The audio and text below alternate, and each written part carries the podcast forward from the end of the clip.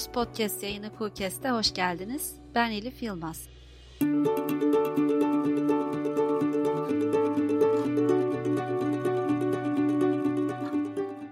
Son zamanların en hızlı gelişen teknoloji alanlarından biri giyilebilir teknolojiler.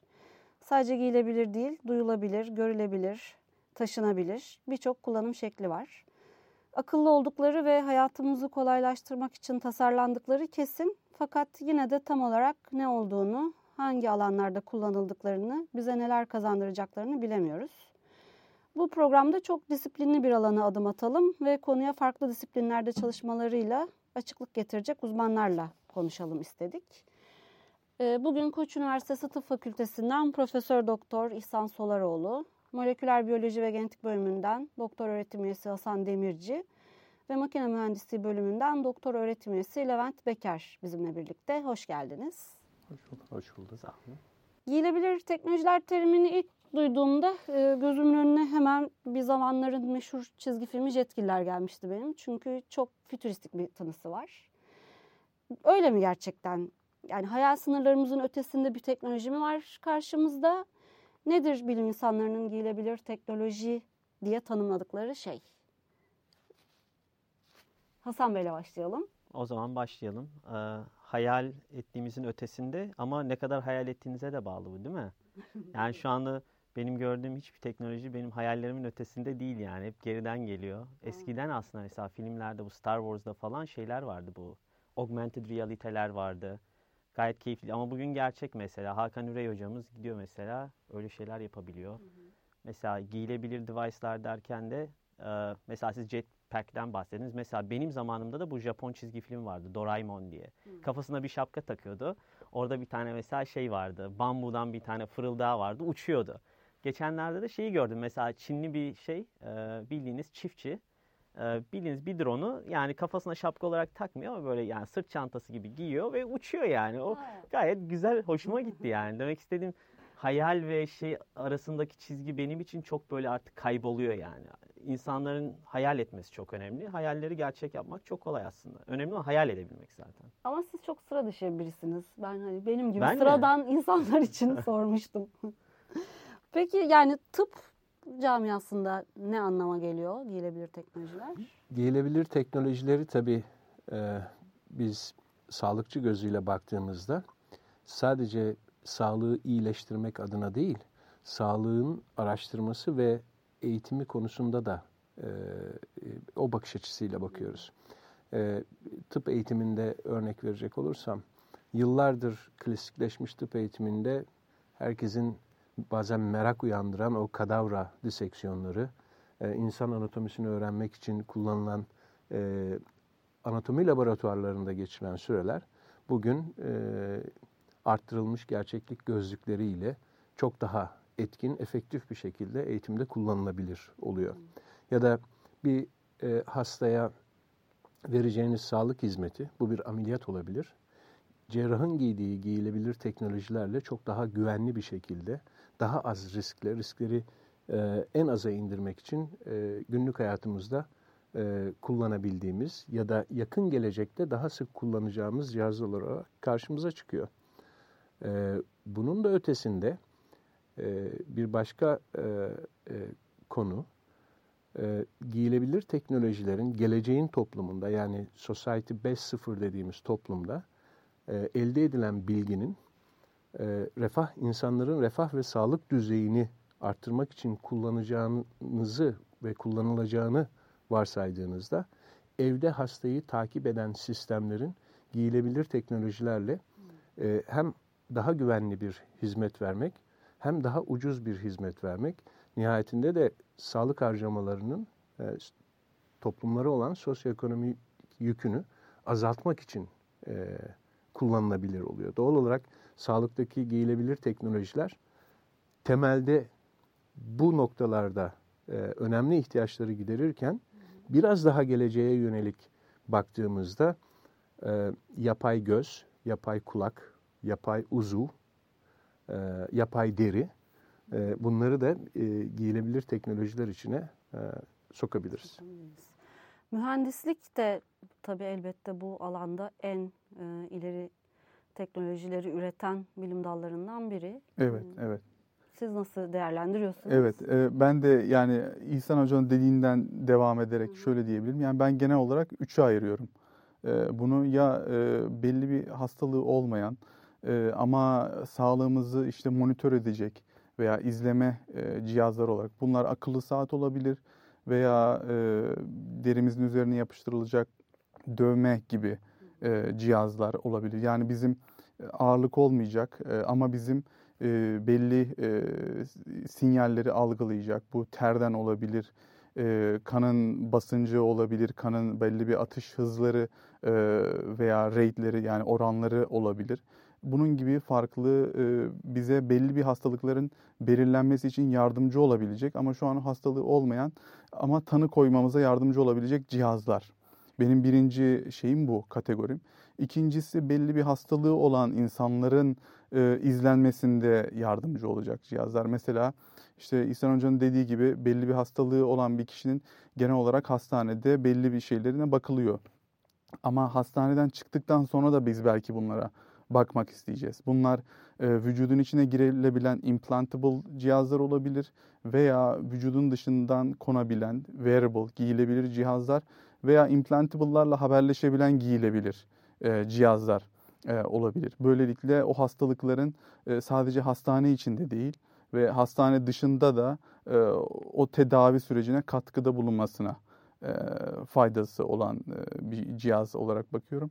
Veya bunun alt başlığı olarak da e, yine uzuvunu kaybetmiş insanların, protez kullanan insanların e, yine bizler gibi duyabil yani uzuvu varmış gibi hissedebilmesini sağlayabilecek giyilebilir cihazlar olarak bakıyorum. Burada da dokunduğumuz, hissettiğimiz şeyleri yine belli bir e, sinyale çevirip bunları e, sinirsel e, ağlara e, belli bir sinyal olarak aktarabilecek arayüzler e, olarak bakıyorum. En son ayırdığım kategoride bizim yapamadığımız şeyleri yapmamızı sağlayabilecek, duymamızı sağlayabilecek e, cihazlar olarak e, kategorileştiriyorum. Yani bu da mesela biz mesela bazı sıcaklıkları yeterince kadar e, hızlı yapamıyoruz, hissedemiyoruz. Bazen elimiz yanıyor veya bazı sesleri duyamıyoruz.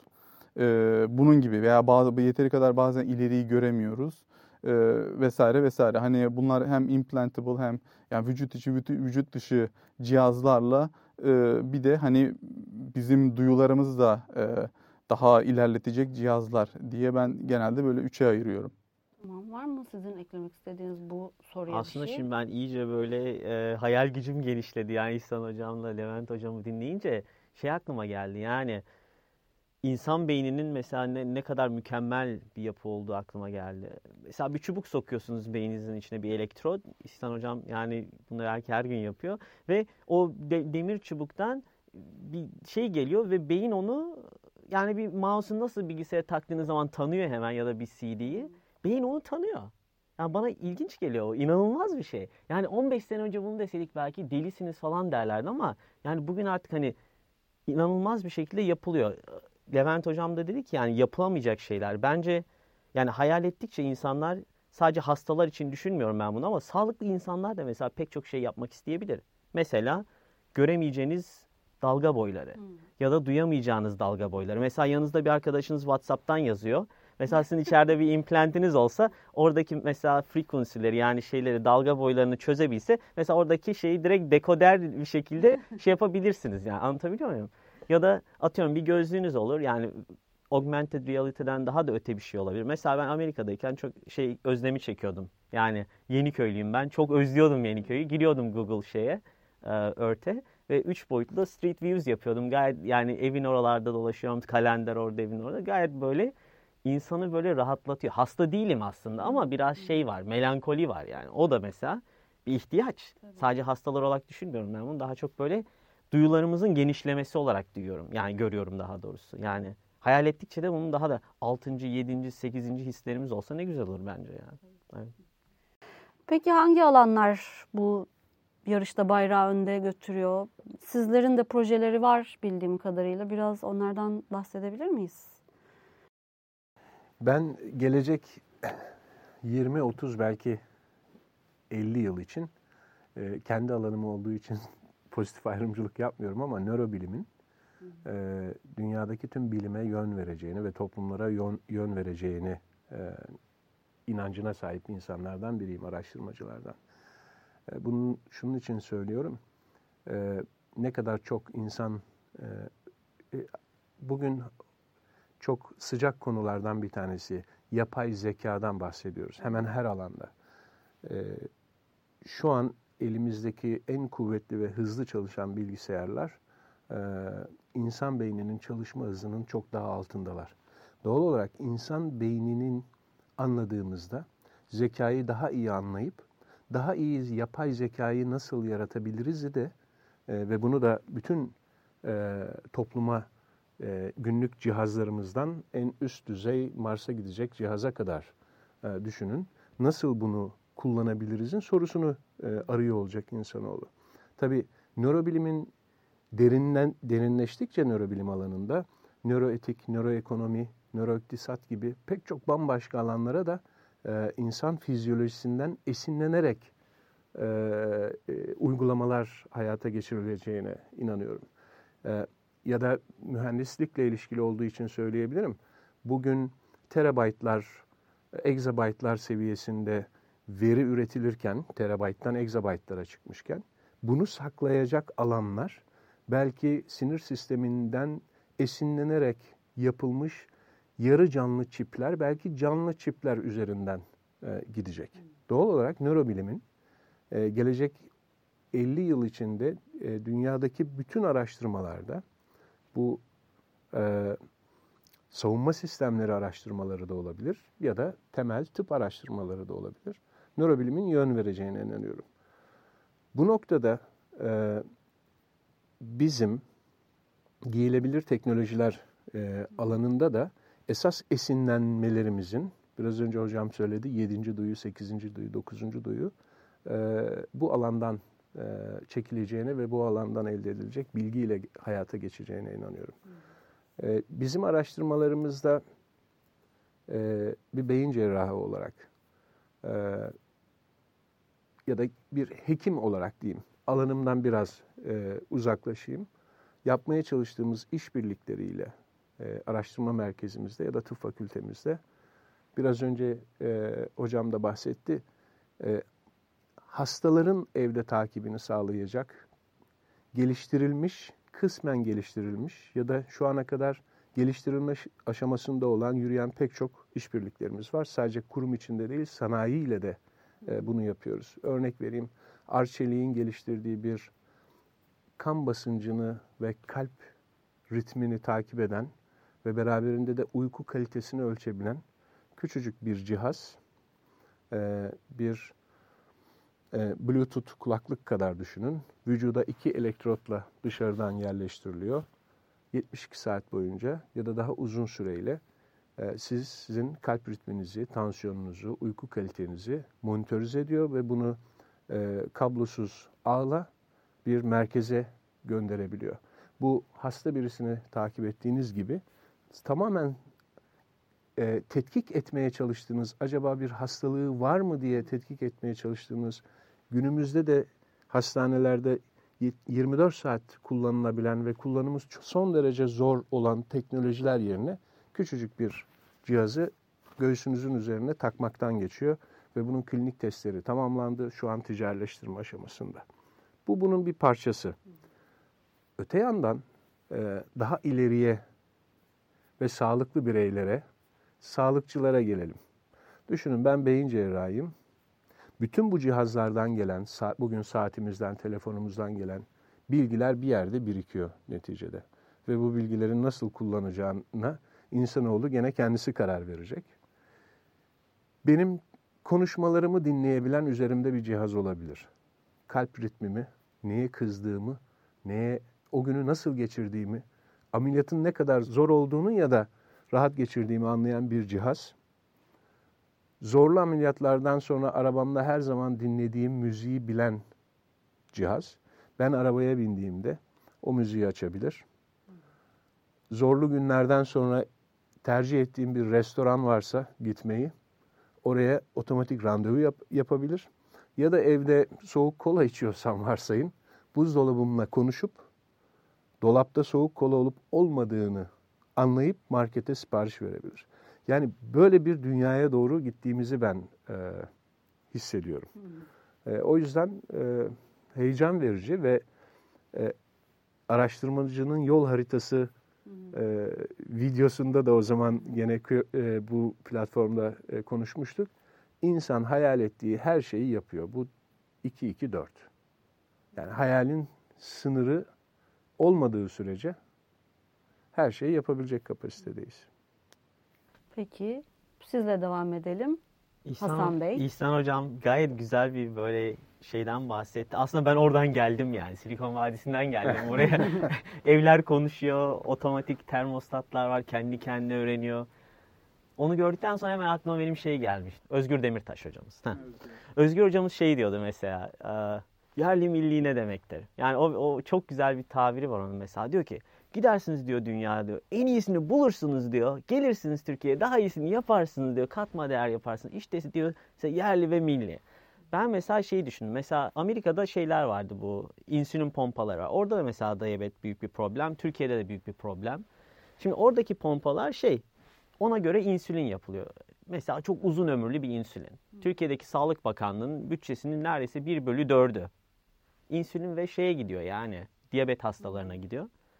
Şey düşündüm mesela ben. Türkiye'ye geldim zaten ben yani bilim yapacağım ama insanlara da dokunmak istiyoruz. Ben biraz da o yüzden hani lavımı bir şey olarak bir fırsatlar diyarı olarak sunuyorum öğrencilere. Diyorum ki yani kendi hayaliniz olan şeyleri yapın labda.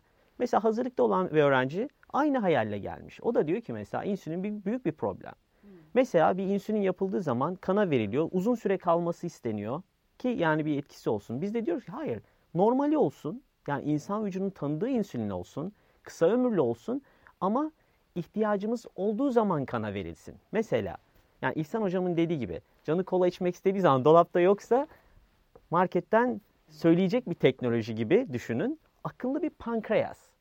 Yani bunun sensörü de var, içinde insülin de var, pompası da var, bluetooth da var. Yani normalde biz hani mesela kalbimize at at at ya da pankreasımıza biraz insülin ver demiyoruz değil mi? Yani birbiriyle bağlantılı şeyler bunlar. Ve wearable device'lar da yani giyilebilir teknolojiler de biraz o tarafa gidiyor. Mesela İhsan Hocam yani favori restorana gittiği zaman eğer yani genetik olarak bir insülin direnci varsa eğer ya da diyabet hastalığı varsa o restorandaki menüyü tanıyacak bir pankreas lazım ki bize. Yani orada GPS ile sizin nerede olduğunuzu bilecek. Oradaki kalorileri sayacak. Hmm. Tamam İhsan hocam işte bir şey yani favori yemeğini söyleyecek. Ona göre insülini önden verecek mesela. Yani anlatabiliyor muyum? Yani onu da düşünmenize gerek kalmayacak. Ama şimdi öyle değil. Herkes parmağını deliyor, ölçüyor insülinini, ondan sonra şekerini ölçüyor. Hemen bir iğne yapıyor kendine. Yani bu hayatınızı sizden alıyor. Aslında yani bizim giyilebilir teknoloji dediğimiz olay size hayatınızı geri vermeli. Yani hayal ettiğiniz şeyleri yapmalısınız. Mesela pek çok zeki çocuk, pek çok zeki genç, belki dehalar ama hayatlarının büyük bölümünü genetik hastalıklarını idame ettirmek için yani harcıyorlar. İnsülini ölçüyor. Yani hep o konuda çalışıyor. Ama biz diyoruz ki mesela biz insülini doğal yapalım. Belki Levent hocamızla beraber çalışalım. Çarpan etkisi yaratalım. Yani biz yapacağımız şeyi çok iyi yapalım. Levent hocam zaten çok iyi, İhsan hocam zaten çok iyi. Bir araya gelelim. Yani bizim genelde ortak akıl çok fazla çalışmıyor. Aslında yani eşim mesela benim Japon. Diyorum ki bir Türk diyorum 10 Japon'a bedel. Hemen kızıyor. Ama dur diyorum güzelim bitmedi cümlem bitmedi yani. Diyorum ki, ama diyorum 10 Japon'da diyorum 1 milyon Türkiye bedel. Yani takım çalışması süper. Yani 10 numara 5 yıldız. Çünkü çok iyiler orada. Takım çalışması. Ben de diyorum ki bir araya gelelim. Sorunlar belli. Yani sorunlara çözümler de belli ama ortak akıl olması lazım. Yani bu giyilebilecek teknolojilerde de ortak akıl. Ben mesela Levent hocamla ortak lab toplantıları yapmayı çok isterim mesela. Yapacağız da zaten. Ya bu yüzden buradayız. Mi? Hayır teklif değil. Olacak şeylerden bahsediyorum. İhsan evet. hocamla da tabii ki bir araya geleceğiz. Ama yapay belki de akıllı değil süper akıllı deha bir pankreas yapılabilir yani. Zor bir şey değil. Ama hayal etmek önemli. Ama dediğim gibi yine e, yani derinin üstünden mesela kandaki glukoz ölçülebilir mi? Bence ölçülebilir.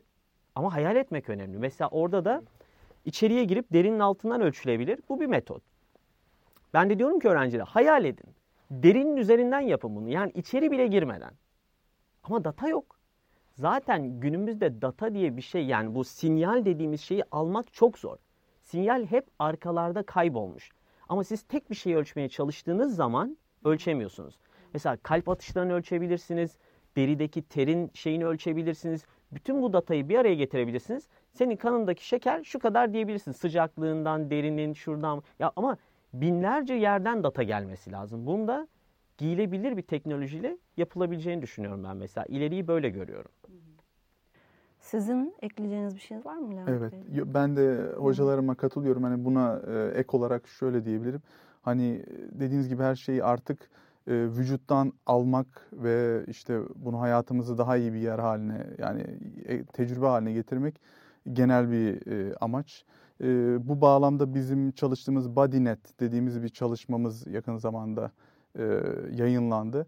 Onda da vücudun farklı yerlerine farklı sensörler e, koyarak bu sensörleri de yaparken e, tabii bize mesela saati artık çok e, iyi bir ölçüm cihazı olarak görmüyorum. Çünkü vücuda çok iyi e, oturmuyor veya işte bazen çıkarmak istiyoruz. Onun yerine bizim bir dövme gibi takıp artık bir daha bundan sonra düşünmediğimiz bize ama sürekli e, medikal e, kalitede data verecek cihazlar e, geliştirerek yapmaya çalıştığımız e, daha sonra da giyeceklerimize entegre ettiğimiz hub olarak oradaki dataları e, emen bir sistem geliştirmeye çalıştık. Burada hani insülin gibi şeylere odaklanamadık orada ama hani yine hayatımızın kalitesini bize indikatör olarak verebilecek bazı farklı parametrelere odaklanmıştık. Buna da biz BodyNet e, yani farklı isimleri de olabilir dedik. Bunlarla işte amacımız yine bizim hayat kalitemizi e, daha üst seviyelere e, çıkarmak. Yani bunun daha özelinde benim kendi araştırmalarım daha farklı hastalıklara odaklanıyor. Hani e, mesela yakın zamanda e, eğildiğim bir konu yine işte hocamın dediği gibi neuroscience alanında veya işte beyin neural implant alanındaki bir sıkıntıya yönelik. Yani e, beyindeki basınç birçok e, hastalık için çok önemli bir parametre ama sadece hastane içindeyken doktorların gözetiminde e, bakılabiliyor. Bunu hastane dışına nasıl taşırız? Kablosuz olarak giyilebilir bir cihaz e, kullanarak e, ve bir implant eşliğinde nasıl ölçeriz?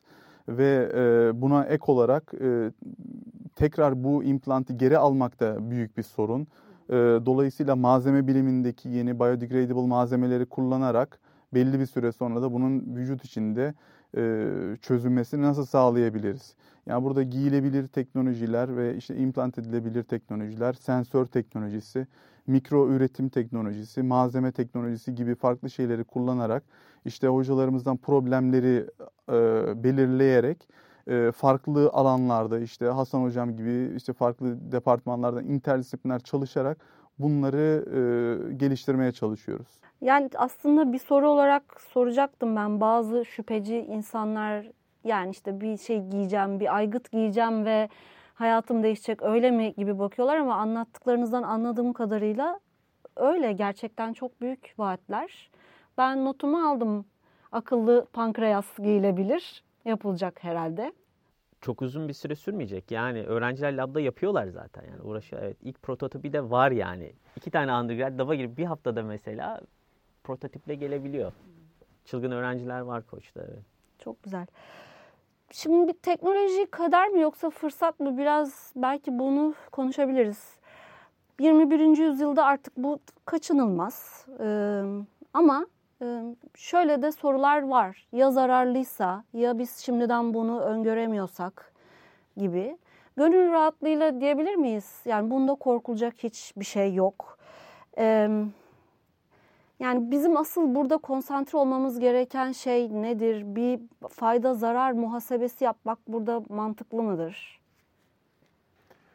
Sağlık alanında şöyle diyebilirim. Günümüzde tüm e, uluslararası platformda bir cihazı, giyilebilir cihazı ya da implante edilebilir, yani vücut içine yerleştirilebilir bir cihazın geliştirilme sürecinde pek çok etik ve klinik disiplinlerin ve sınırların eleğinden, süzgecinden geçerek güven, tüm güvenlik testleri yapılarak e, neticede ruhsat veriliyor.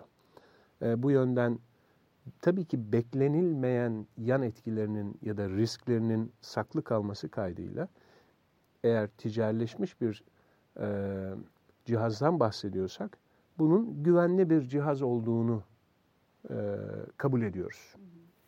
Ancak özellikle giyilebilir cihazların veri alışverişi cihazın size bedeninize vere, verebileceği fiziki zarardan öte kişisel bilgilerinizin sır olmaktan çıkması riskini ayrıca taşıyor. Bu riski minimize edecek, en aza indirecek kişiler de hekimler değil.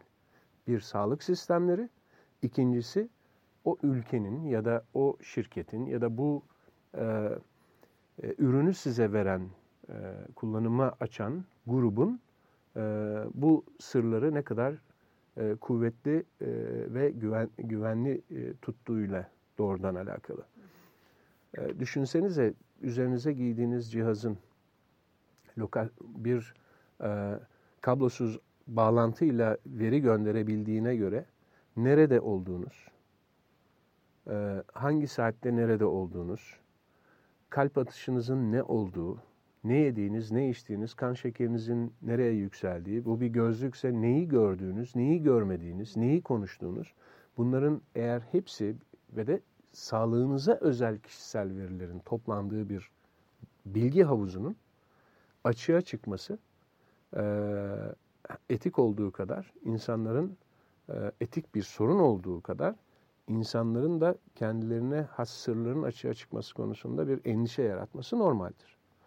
Ama teknoloji kader mi, e, fırsat mı derseniz, bana sorarsanız e, teknoloji kaderinizi belirleyen bir fırsat.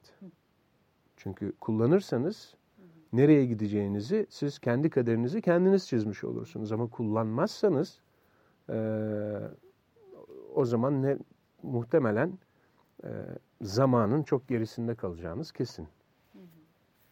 Peki Levent Bey siz ne düşünüyorsunuz? Ben de İhsan Hocam'ın en son cümlesine katılıyorum. Yani teknoloji gerçekten kaderimizi belirleyen bir fırsat. Yani e, birçok teknolojik aşmamız gereken farklı problemler için sorunlar var. Ve bunları birçoğunu teknolojik yaklaşımlarla biz e, yapmaya çalıştığımız bunların belirlerini teknolojiyi kullanarak aşmaya çalışmak. Onun için yani e, sorunlar, kaderlerimiz e, olabilir ama onları aşmak da yine bu teknolojik e, gelişmeleri kullanarak bir fırsat haline dönüştürmek de yine bizim elimizde diye düşünüyorum ben de. Siz zararlı görüyor musunuz? Yani zararlı gördüğünüz bir tarafı var mı ya da öyle bir olasılık var mı? Bence zarar ve fayda bunlar hep şey e, subjektif şeyler. Öyle değil mi? Bana göre mesela çok heyecan verici bir şey başka bir için korkunç bir şey olabilir. Yani çok e, anlatabiliyor muyum? İnsanların nereden baktığına bağlı ve neyi gördüğü. Aynı şeye bakıyoruz ama farklı şeyler görüyoruz. Çünkü aynı şekilde bağlanmamış beynimizdeki nöronlar birbirine bu hücreler. Yani siz benden farklısınız. İhsan hocam benden farklı. Biz hep birbirimizden farklı. İkiz yani iki tane tek yumurta ikizi bile birbirinden farklı. Yani aynı şey aynı derecede heyecan vermemesi zaten normal yani. Mesela atıyorum ben bungee jumping yaparken heyecan duyarken başka bir kalp krizinden gidebilir yani korkudan değil mi? Aynı şekilde mesela beni çok heyecanlandıran bir teknoloji başka birine böyle kalp krizi geçirttirebilir. Mesela ben yapay pankreas derken siz heyecanlanırsınız ama insülin satan bir şirketin CEO'su kalp krizinden gidebilir. değil mi? Yani böyle şeyler. O yüzden yani dediğim gibi bunlar hep subjektif şeyler. Nereden baktığınıza bağlı size yararlı olabilir de başkalarının zararına olabilir. Yani tabii sadece ticari olarak söylemiyorum bunu. Anladım.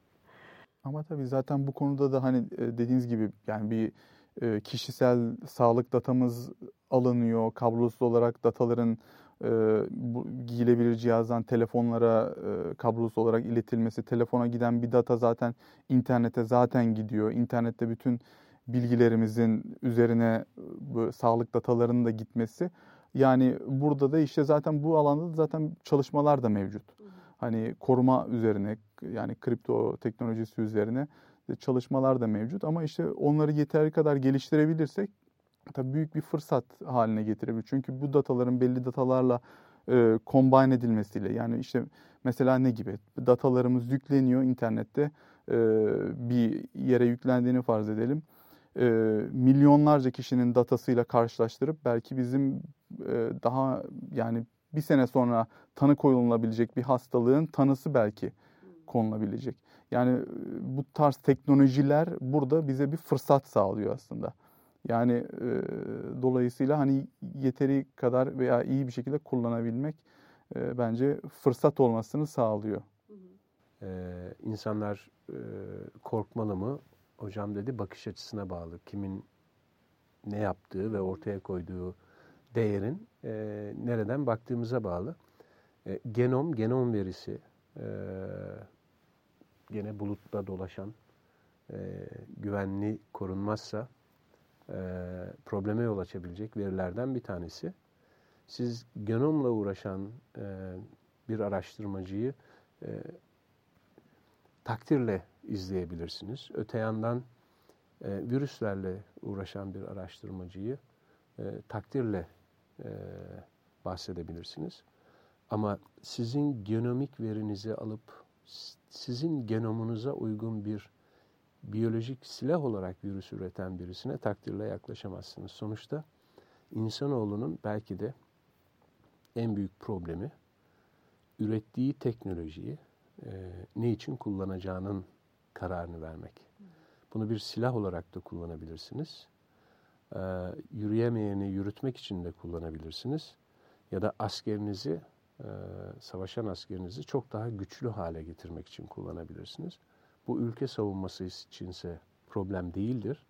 Ama başka ülkeleri işgal için düşünürseniz varsayın e, büyük devletlerin işte e, belirli e, konularda belirli sebeplerle başka ülkelere açtıkları savaşlar konusunda bir güç olarak kullanabilirsiniz. Doğal olarak teknoloji evet ihtiyacımız var. Hayatımızı kolaylaştıracağı kesin.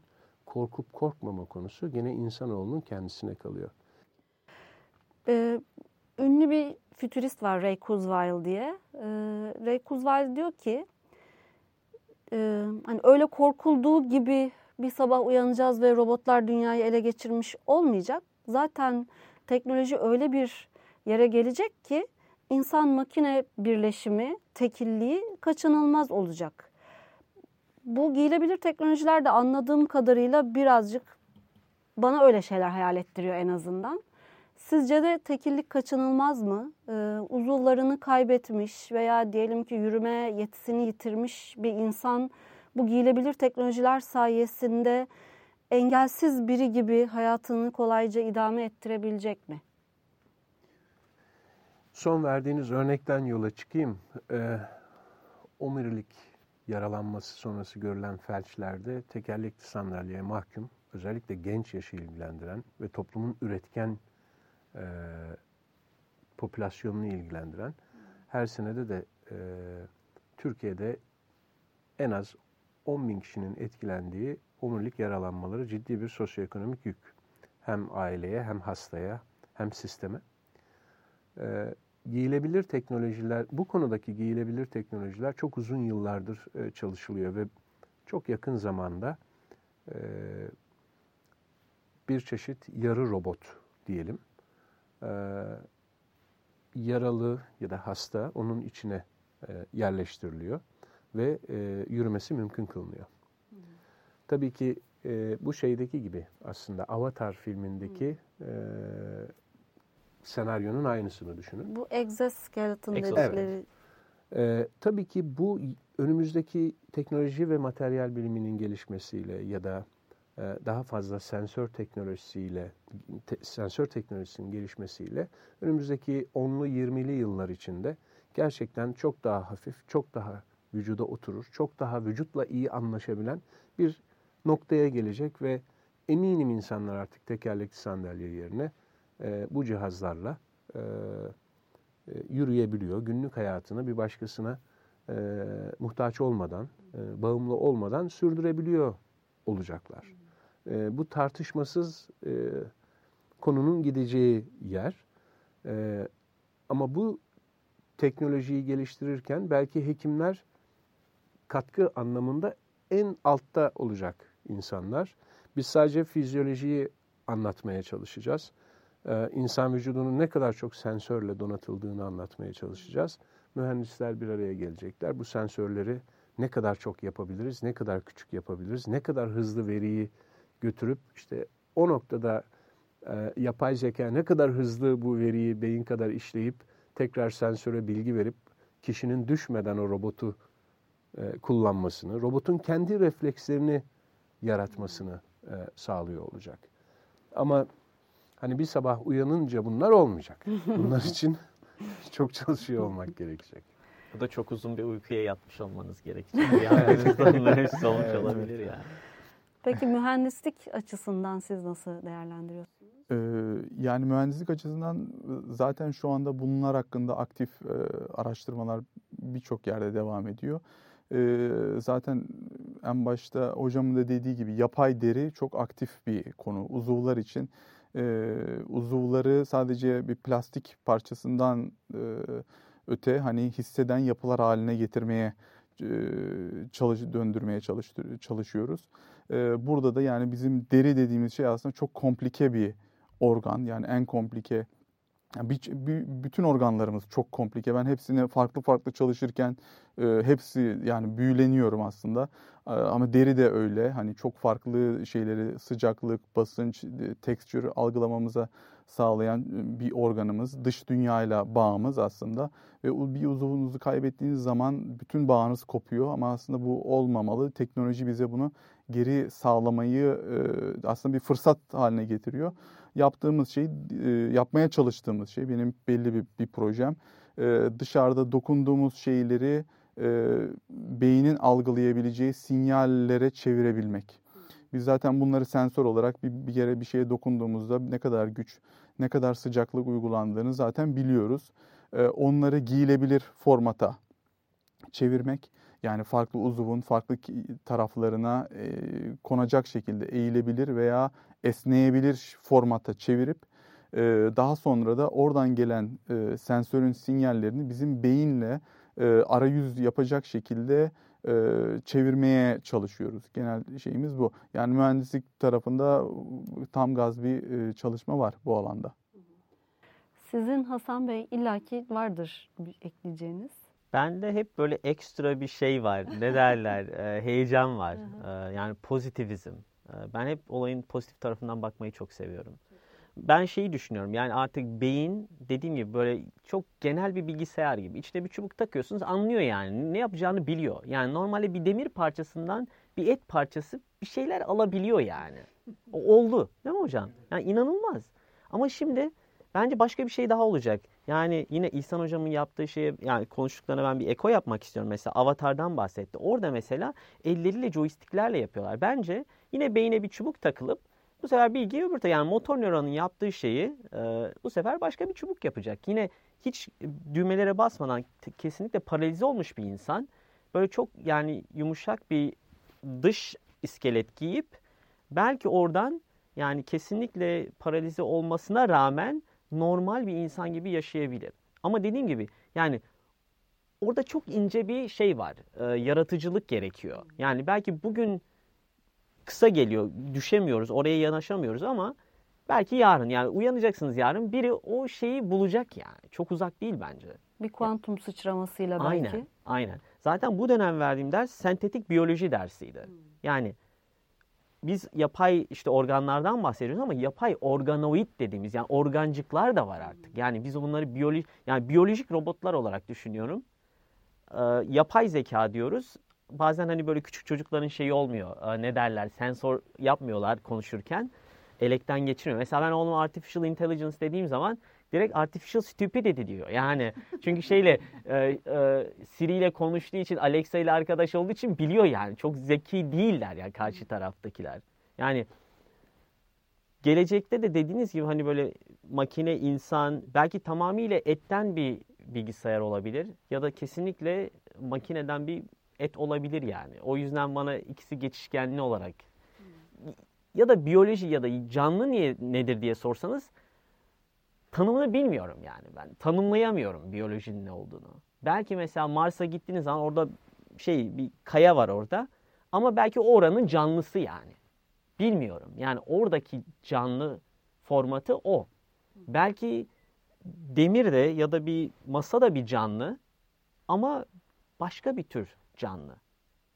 Ama sonuçta hepsi atomlardan yapılmış. Hatta güzel 70'lerde bir şarkı vardı. Ee, İngilizcesi şöyle. We're all about vibrations. Yani rezonans. Yani karşı dediğim gibi bir demir çubukla et rezonansa geçtiği zaman bitti zaten. Önemli o şey rezonansı yakalayabilmek. Ondan sonrası zaten hayal gücü. Çok ince bir çizgi var orada benim için. Sonuçta hepimiz yıldız tozuyuz zaten değil mi? Öyle de denir. Çok teşekkür ediyoruz. Ee, bugün Koç Üniversitesi'nden İhsan Solaroğlu, Levent Beker ve Hasan Demirci bizimle birlikteydi. Çok keyifli bir sohbet oldu. Bir sonraki yayınımızda görüşmek üzere. Hoşçakalın.